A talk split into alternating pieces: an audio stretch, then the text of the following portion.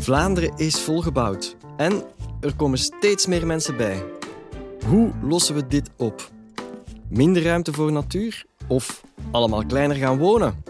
Aan het woord is Tom Koppes, stedenbouwkundige van de Universiteit van Antwerpen. Hij legt jou de komende 15 minuten uit waarom open ruimte zo belangrijk is en of we de betonstop kunnen omzetten in de praktijk. Dit is de Universiteit van Vlaanderen.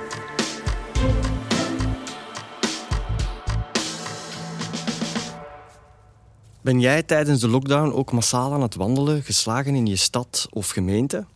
Dan heb je je wellicht verbaasd over de mooie plekjes open ruimte die er in Vlaanderen nog zijn.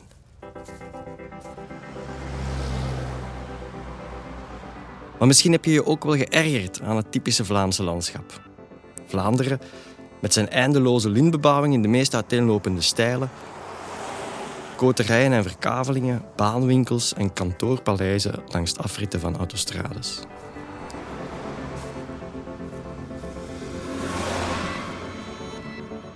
Door de bouwwoede staat de open ruimte onder druk. Vandaag is goed een derde van het land volgebouwd of wordt het gebruikt voor menselijke activiteiten, van wonen tot industrie of transport. Wij stedenbouwkundigen noemen dat ruimtebeslag. Binnen het ruimtebeslag is ongeveer de helft van de oppervlakte ingenomen door verharde oppervlakte, zoals gebouwen, wegen, opritten en terrassen. Dus ongeveer een zesde van de oppervlakte is verhard. En dat is ongeveer evenveel als de provincie Vlaams-Brabant. Als je Vlaanderen met andere landen in Europa vergelijkt, dan valt op dat we heel veel open ruimte hebben ingenomen. We hebben niet alleen een zeer groot ruimtebeslag per persoon, maar we hebben bovendien ook erg verspreid gebouwd, omdat we heel veel lintbebouwingen en afgelegen woningen hebben. In de toekomst zullen er nog veel Vlamingen bijkomen, die allemaal ergens zullen moeten wonen.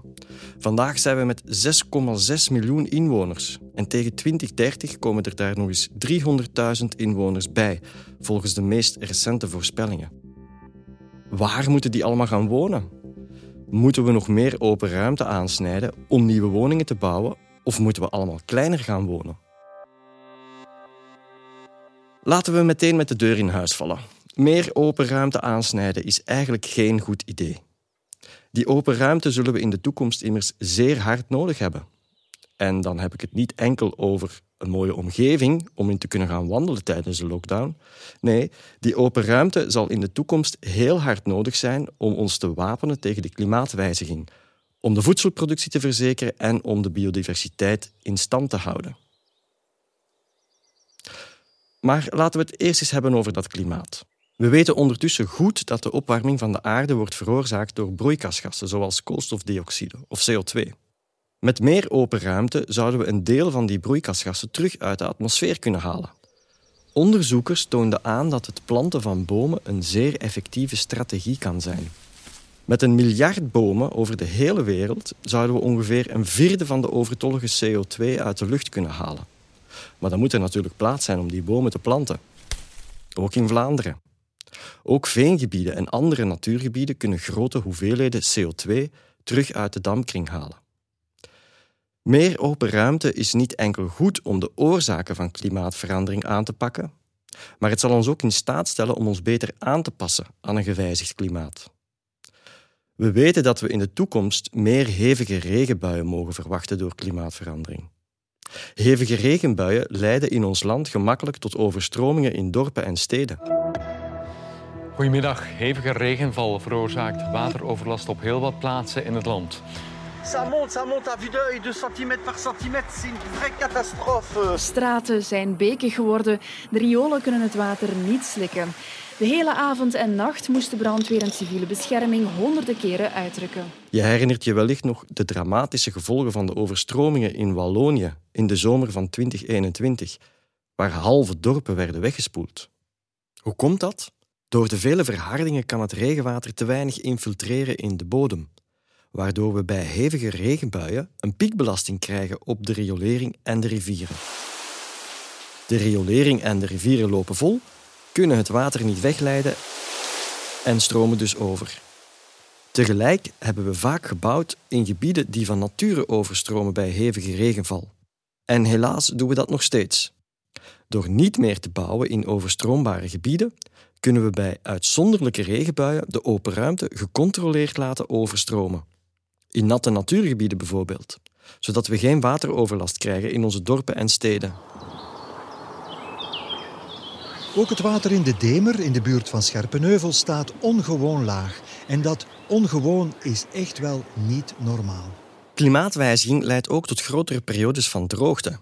Ondanks het regenweer is Vlaanderen een van de meest kwetsbare gebieden in Europa voor drinkwater. Als we kijken naar uh, neerslag en verdamping uh, voor deze tijd van het jaar, um, hebben we een toestand die we eigenlijk de afgelopen 100 jaar niet gezien hebben op basis van de metingen van het KMI in, uh, in Ukkel. Dus het is echt wel een zeer uitzonderlijke droogte en die komt dan nog een keer na de drie droge zomers die we ook de afgelopen drie jaar hebben gekend. Op het vlak van waterschaarste doen we het bijvoorbeeld even slecht als het zuiden van Spanje en Italië. Dat komt onder meer door de hoge graad van verharding, waardoor het water niet in de bodem kan incijpelen om de ondergrondse watervoorraden aan te vullen. Door meer open ruimte te creëren, kunnen we het water terug laten infiltreren in de bodem. Open ruimte is ook effectief tegen de opwarming. In versteende omgevingen is de temperatuur veel hoger door het zogenaamde hitte-eiland-effect. In stedelijke omgevingen kan het daarom tot 7 of 8 graden warmer zijn. Het is aangetoond dat de aanwezigheid van groen en open ruimte in steden het hitte-eiland-effect aanzienlijk kan verminderen. Dat kan bijvoorbeeld door parken aan te leggen of bomen te planten in de straten of zelfs door beplanting op de daken te voorzien. Dus ook de open ruimte en groen in stedelijke omgevingen is van groot belang. Open ruimte speelt dus in op de oorzaak van klimaatverandering en kan ons dus ook beter wapenen tegen de gevolgen ervan. Maar ook voor de voedselproductie zullen we die open ruimte in de toekomst nodig hebben. Zeker wanneer we niet te afhankelijk willen zijn van het buitenland voor ons voedsel. Momenteel is ruim de helft van de Vlaamse oppervlakte bestemd voor landbouw.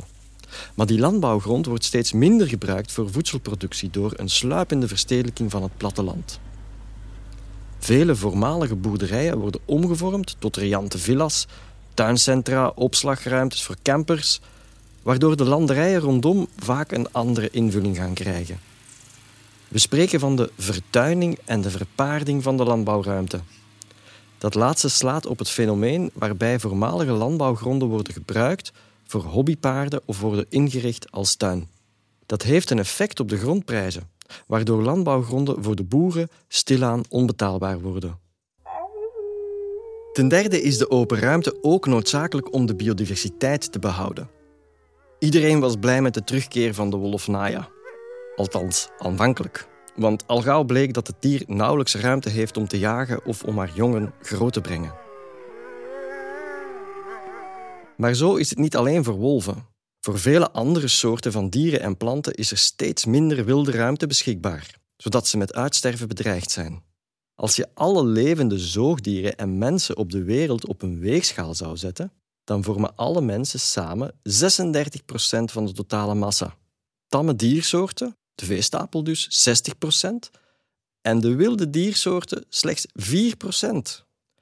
Wetenschappers stellen dat we wereldwijd meer dan 40% van de aarde zouden moeten reserveren voor beschermde natuurreservaten om verdere uitsterving tegen te gaan. Als je al weet dat de helft van onze grond landbouwgrond is en een derde ruimtebeslag is, dan weet je dat we daar in Vlaanderen niet aankomen. Vandaag is er nog geen 7% natuurgebied in Vlaanderen. Naast de totale oppervlakte van de open ruimte is ook de kwaliteit van die open ruimte enorm belangrijk. Door de vele lintbebouwing en verspreide bebouwing is de open ruimte in Vlaanderen erg versnipperd. Dat betekent dat planten en dieren moeilijk kunnen migreren van de ene plek naar de andere. En daardoor komen ze onder druk te staan. Maar we voegen nog een laatste argument toe. Open ruimte blijven aansnijden heeft eigenlijk ook een grote maatschappelijke kost.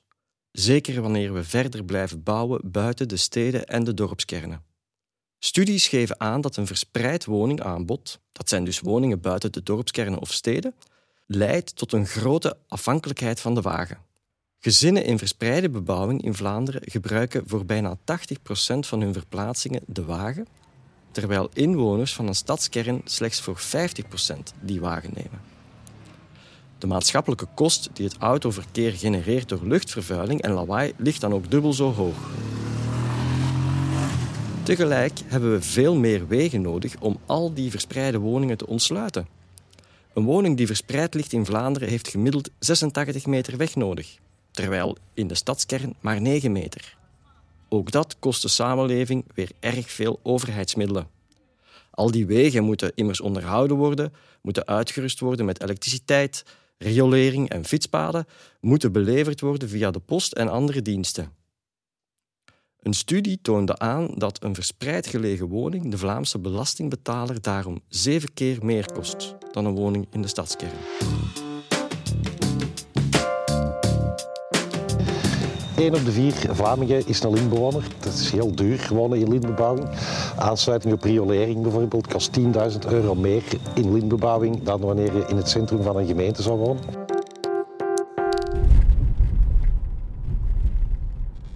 Heb je je ook al geërgerd aan kadukke wegen en fietspaden in Vlaanderen?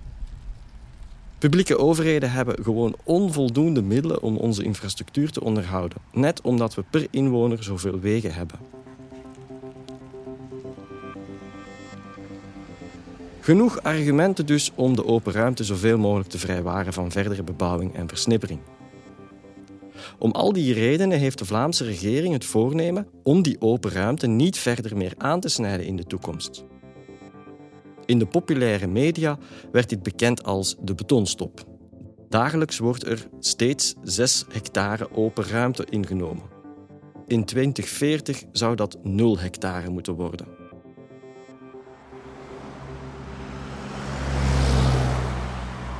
Allemaal goed, maar waar moeten we dan nog gaan wonen? Zullen we straks allemaal moeten verhuizen naar steriele hoogbouwflats in overbevolkte steden waar we geen enkele privacy meer hebben? Die vrees is begrijpelijk, maar eigenlijk onterecht. Want we hebben dan wel een groot ruimtebeslag, maar de huidige dichtheid van het wonen in Vlaanderen is bijzonder laag.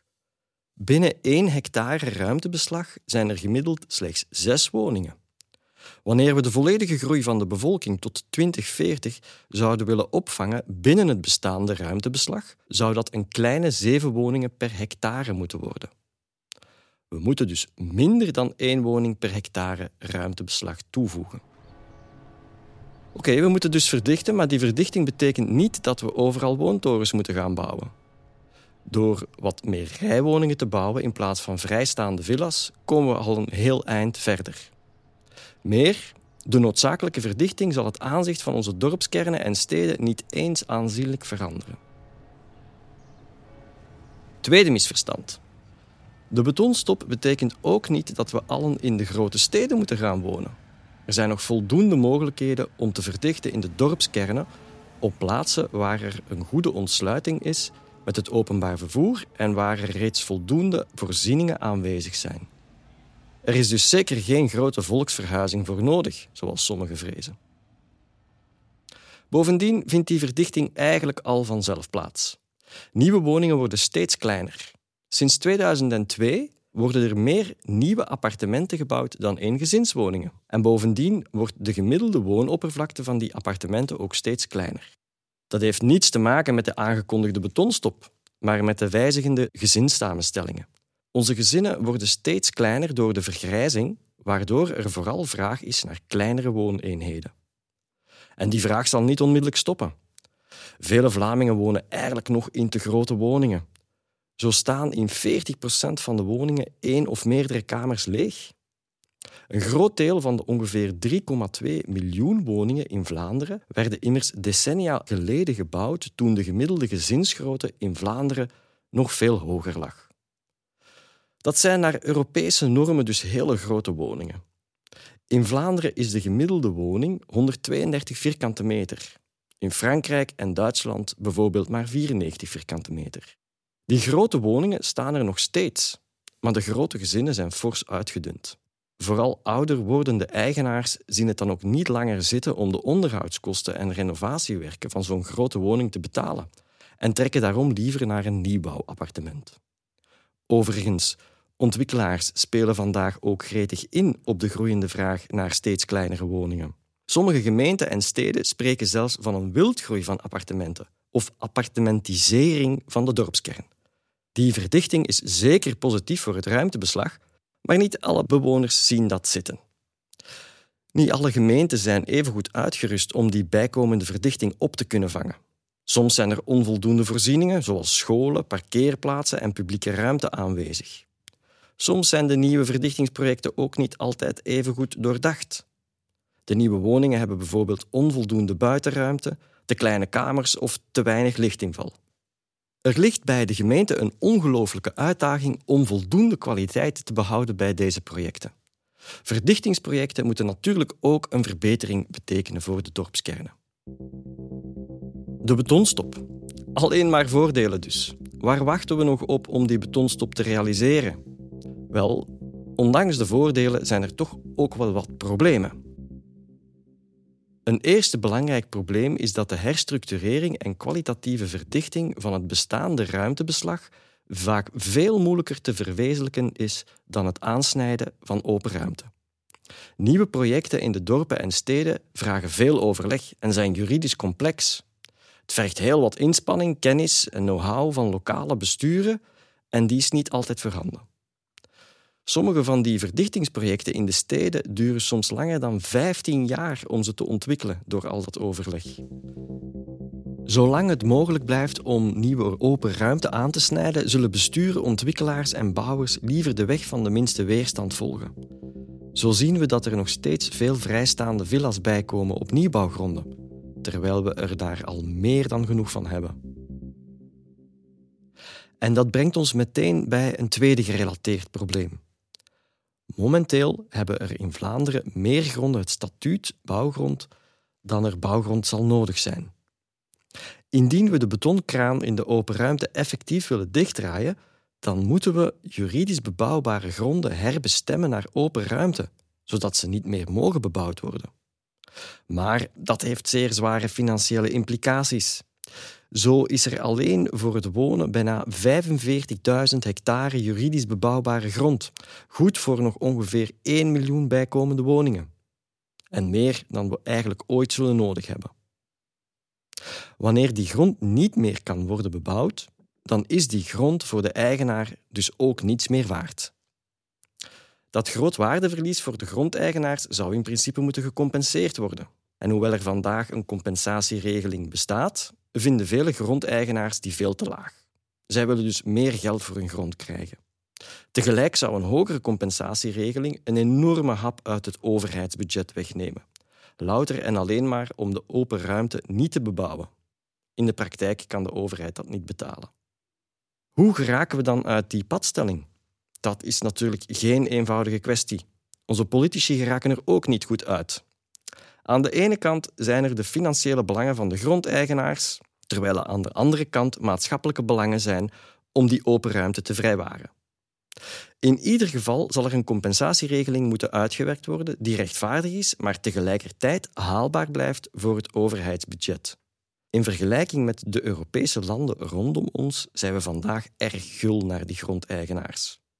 De compensatieregelingen uit andere landen kunnen dus zeker als inspiratie dienen. Wat we zeker moeten doen is om de verdichting te laten betalen door ontdichting. Ik leg dat nog even uit. Wanneer er verdichting in een kern wordt gerealiseerd, dan worden vaak grote winsten gemaakt door de grondeigenaars en de ontwikkelaars.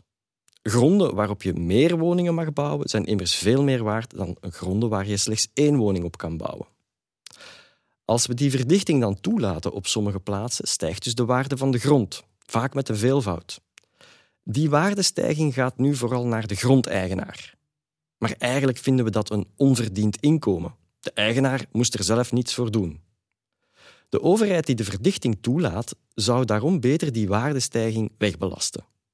En met die middelen kunnen we dan de eigenaars die niet meer mogen bouwen een stuk compenseren om die open ruimte te behouden.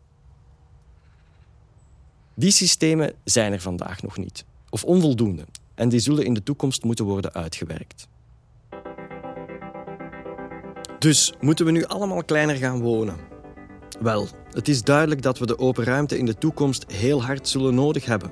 En niet alleen om nog te kunnen gaan wandelen. Maar dat betekent niet dat we allemaal in de steden moeten gaan wonen of in appartementsblokken. Het aanbod aan grote woningen in Vlaanderen zal steeds voldoende hoog blijven voor grotere gezinnen. En de verdichting zal visueel nauwelijks merkbaar zijn.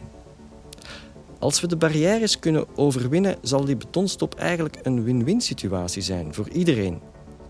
We zullen wonen en werken op beter bereikbare plekken, met voorzieningen op fiets- en wandelafstand en met een meer aangepast woningaanbod. Er zal meer ruimte voor natuur zijn, behoud van biodiversiteit, meer plaats voor voedselproductie, ruimte voor water, minder files en een beter onderhouden wegennet en publieke ruimte.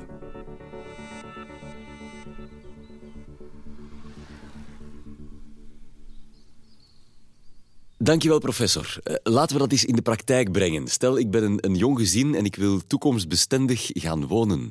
Waar moet ik dan zijn? Is dat een, een, een appartement in een verdichte dorpskern uh, met wat natuur in de onmiddellijke omgeving? Is, is dat mijn, moet dat mijn ideaal zijn? Wel, ik denk dat het uh, heel belangrijk is om na te denken over de locatie. Hè. Dus uh, een locatie die zeker uh, ontsloten is door openbaar vervoer. Hè. Want uiteraard, een jong gezin, vaak jonge kinderen. Hè. En, maar die kinderen worden groot en die gaan naar scholen, middelbare scholen. En dan, oh, ja, dan komt men eigenlijk tot de vaststelling dat die overal naartoe moeten gebracht worden. Dan is het handig dat er een openbaar vervoer is, bijvoorbeeld. Um, en ook in de nabijheid van, van voorzieningen. Voorzieningen die liefst op fiets- of, of wandelafstand liggen. Uh, dat hoeft niet noodzakelijk in steden te zijn. In dorpskernen zijn er ook heel veel voorzieningen die daarvoor kunnen gebruikt worden.